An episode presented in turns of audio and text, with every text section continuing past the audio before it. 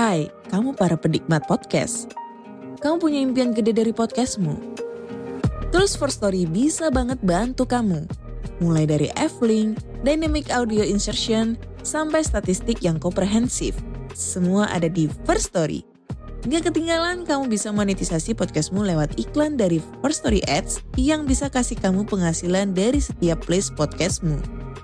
Yuk gabung sekarang dengan klik di firststory.me. Sekali lagi, klik di firststory.me. Mari kita bawa mimpi podcastingmu menjadi kenyataan. Alkisah ada sebuah kapal yang sedang terombang-ambing di lautan pada malam hari. Setelah berhasil mengarungi badai yang besar, kapal tersebut tidak tahu ada di mana. Dalam kondisi putus asa, tiba-tiba saja muncul cahaya dari kejauhan. Cahaya ini muncul dan tenggelam menjadi sepercik harapan di tengah gelapnya malam. Kapal pun bergerak mendekat dan ternyata cahaya itu berasal dari mercusuar.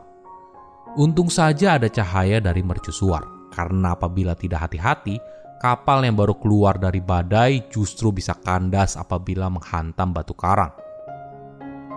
Kisah kapal dan mercusuar bisa sangat relevan di dunia kerja ada kalanya kita mengalami tantangan di dunia kerja. Misalnya tiba-tiba ada kendala operasional, keluhan dari konsumen, dan sebagainya. Di sisi lain, dinamika hubungan atasan dan bawahan juga tidak selamanya mulus. Maklum saja, selama kita berhubungan dengan manusia, maka kita harus tahu bagaimana seni komunikasinya. Dalam konteks dunia kerja, seorang pemimpin bisa menjadi mercusuar yang memandu timnya dalam masa-masa yang sulit atau menjadi simbol keamanan bagi anak buahnya. Halo semuanya, nama saya Michael. Selamat datang di channel saya, Sikutu Buku. Kali ini saya akan bahas gaya kepemimpinan mercusuar. Apakah kau pernah dengar istilah lighthouse leadership? Beberapa waktu lalu saya mendengar istilah ini dan saya penasaran apa yang membuatnya berbeda. Setelah saya pelajari, hal ini ternyata menarik bagaimana kita menggunakan analogi mercusuar dalam memimpin sebuah tim. Menariknya, sebuah mercusuar tidak menyelamatkan kapal. Dia juga tidak pergi ke laut dan menolong mereka.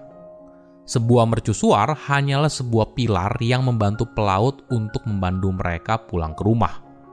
Selama berabad-abad, mercusuar merupakan simbol dari arahan, harapan, dan keteguhan. Walaupun di zaman sekarang teknologi sudah canggih, misalnya dengan GPS, tapi keberadaan mercusuar masih tetap diandalkan. Sama halnya seperti seorang pemimpin.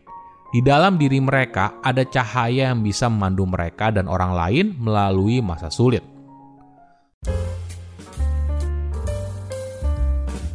Mungkin istilah lighthouse leadership ada kaitannya dengan lighthouse parenting. Sebagai informasi, lighthouse parenting adalah gaya parenting di mana orang tua sebagai mercusuar memandu dan mendukung anaknya untuk bertumbuh.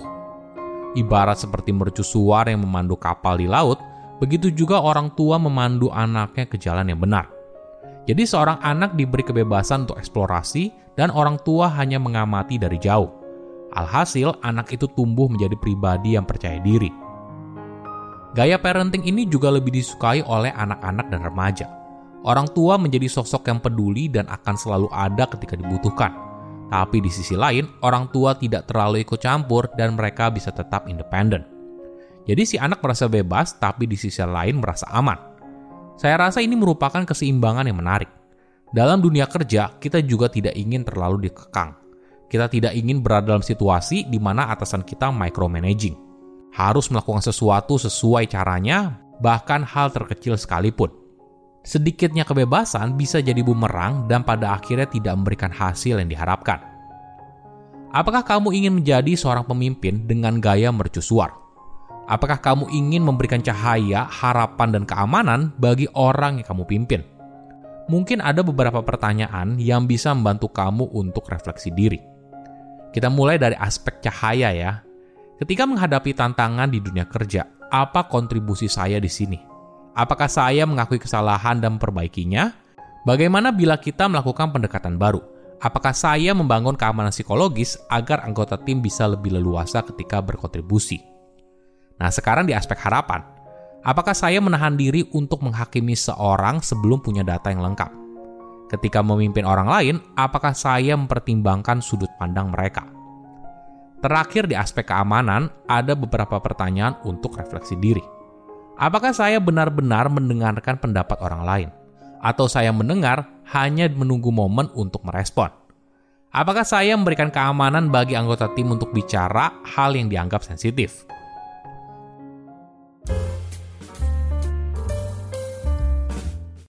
Ada empat karakteristik dari gaya kepemimpinan mercusuar. Pertama, seorang lighthouse leader merupakan sosok yang kuat.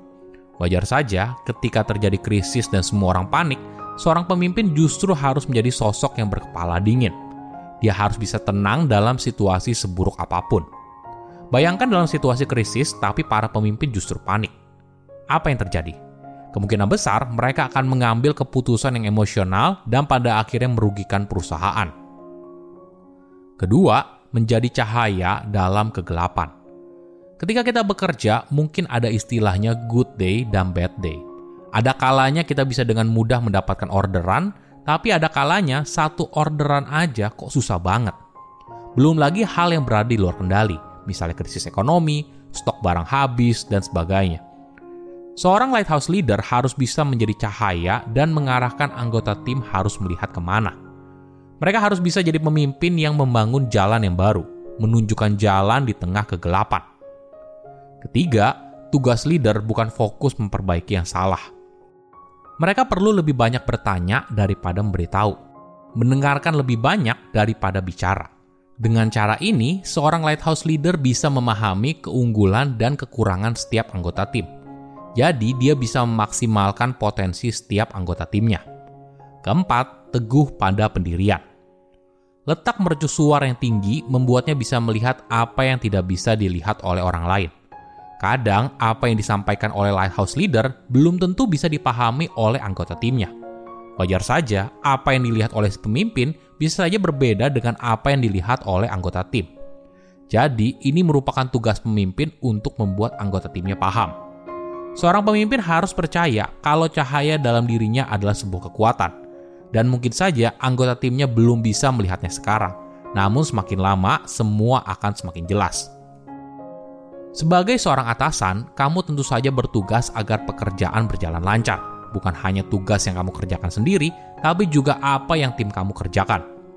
Kamu butuh orang lain untuk bisa mencapai target yang sudah ditetapkan Seringkali seorang manajer harus juga bertindak seperti seorang fasilitator. Seseorang yang menghilangkan hambatan, memperbaiki jalan yang rusak, mengganti roda yang lapuk, dan sebagainya. Intinya, seseorang yang memastikan setiap anggota tim punya alat yang tepat agar bisa mencapai hasil yang diharapkan. Tapi tentu saja, setiap manajer punya gaya yang berbeda. Ada yang menjadi sokoci, ada pula yang menjadi mercusuar. Jika kamu menjadi sekoci, mungkin kamu adalah seorang manajer yang tipenya membayarkan karyawan untuk berenang sendiri, berjuang sendiri bergerak dari satu pelabuhan ke pelabuhan lain, tapi kamu selalu ada di dekat mereka. Jadi ketika terjadi krisis, kamu ada di sana untuk menyelamatkan mereka. Namun ada pendekatan yang lain, yaitu menjadi mercusuar. Kamu adalah cahaya terang yang memandu tim untuk bergerak dari satu pelabuhan ke pelabuhan lainnya. Tugas kamu bukan untuk menyelamatkan mereka, tapi kamu berdiri tegak di kala badai, memberikan harapan dan keteguhan bagi mereka yang berenang ke tepian. Kadang bisa melalui saran, namun kadang bisa juga dengan menjadi figur yang positif. Mana yang lebih baik? Jawabannya tergantung. Menjadi sekoci mungkin cocok bagi situasi di mana berisi karyawan berpengalaman dalam situasi kerja yang dinamis. Tugas seorang pemimpin adalah untuk meminimalisir resiko dan menolong mereka ketika terjadi sesuatu yang tidak diharapkan. Tapi di sisi lain, apabila timnya justru berisi karyawan yang masih kurang pengalaman, maka menjadi mercusuar bisa menjadi pilihan yang lebih baik. Tim tersebut butuh atasan yang solid dan mampu memberikan panduan ke mana harus melangkah. Silahkan komen di kolom komentar pelajaran apa yang kalian dapat ketika tahu informasi ini. Selain itu, komen juga mau tahu informasi apa lagi yang saya review di video berikutnya. Saya undur diri, jangan lupa subscribe channel YouTube Sikutu Buku. Bye bye.